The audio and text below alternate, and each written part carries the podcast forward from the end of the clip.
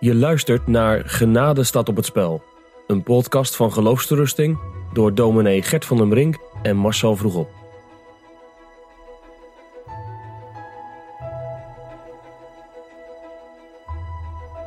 We zijn eh, vast nog lang niet uitgesproken over dit thema, maar eh, dit is wel de laatste stelling die ik je voor wil leggen.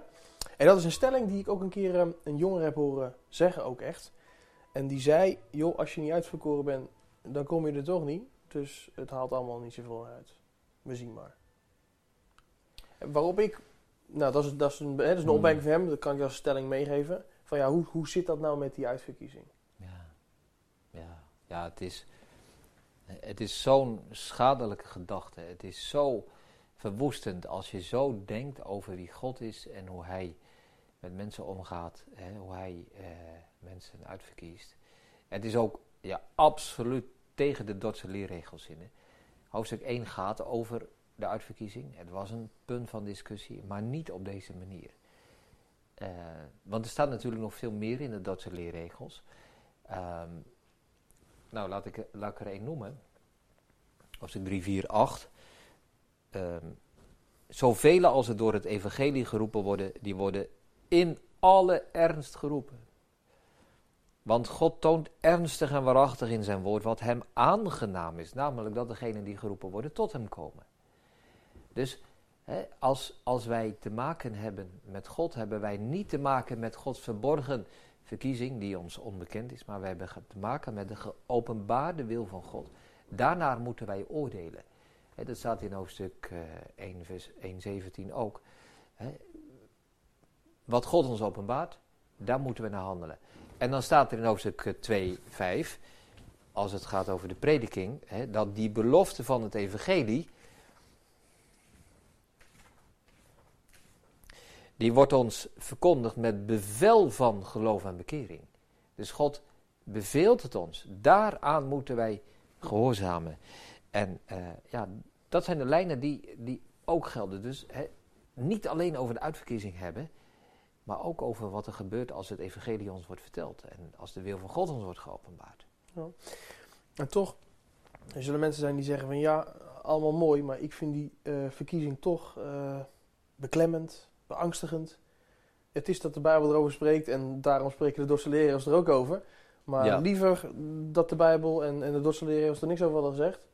Want het is, het is, het is beklemmend, het is beangstigend, Ja, die uitverkiezing. ja.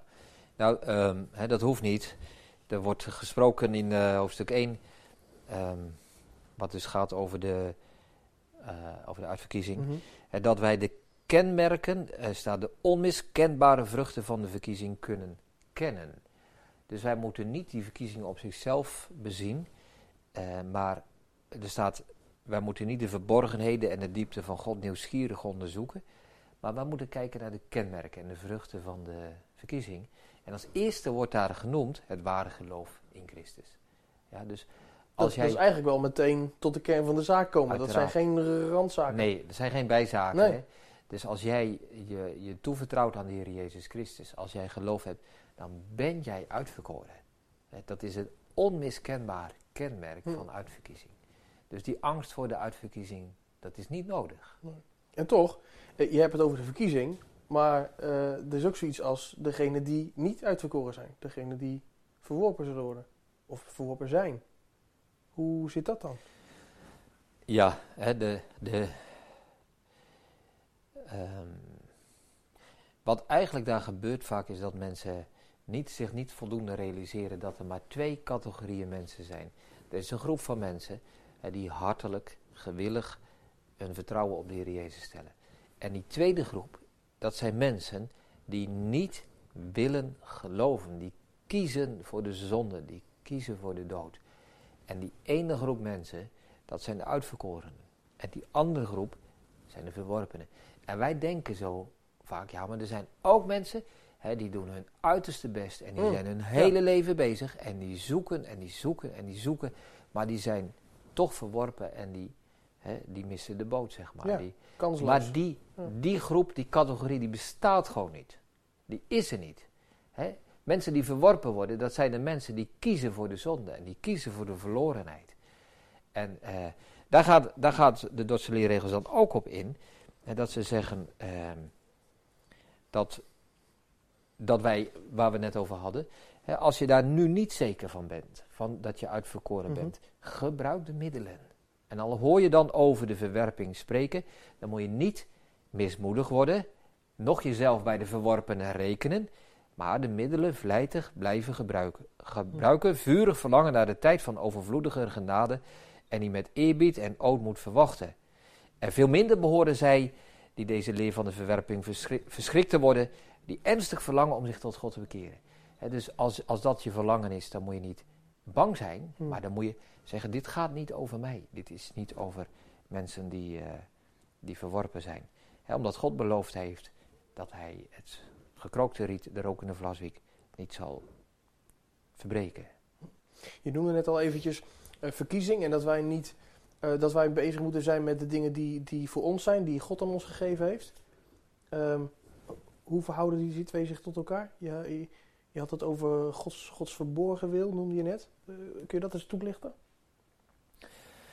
Nou, God houdt zich aan zijn eigen woord. Ja, dus God belooft met ernst alle die tot hem komen de rust der zielen en het eeuwige leven. En daar is God betrouwbaar en waarachtig in. Vaak, en Marcel, komt die worsteling en die onzekerheid over de uitverkiezing eigenlijk voort uit wantrouwen. Wantrouwen jegens God. Dat wij denken dat God wispelturig is hè, en dat hij wel een mooie belofte geeft, maar intussen toch Hmm. verkiest en verwerpt. En dat is niet zo. Dat is pertinent niet waar. Hè? Dat wat voor ons verborgen is, is, is eh, niet hetzelfde, maar niet in tegenspraak met wat, hij, eh, wat, wat, wat God tegen ons zegt in zijn woord. Is dat wat je wilde zeggen? Hoe, hoe moet, hoe Precies. En God is niet twee, dubbelhartig. Ja, precies. Ja. Nee. Hè? En, en waar wij naar geoordeeld worden, is ook niet het boek van de uitverkiezing. Hè, we denken soms misschien, ehm, ja, hier op aarde heb je het boek van, van de Bijbel, zeg maar, of het boek van het Evangelie. En dan zegt de Heer Jezus, wie gelooft, wordt niet veroordeeld, maar die niet gelooft, is al reeds veroordeeld. Ja, nou, dat is duidelijk. Maar denken we dan, straks, hè, op de oordeelsdag, dan gaat het boek van de uitverkiezing open. Ja, het boek des levens wordt Het boek des levens. Ja. En dan moeten we maar kijken en hopen dat jouw naam daarin staat. Ja.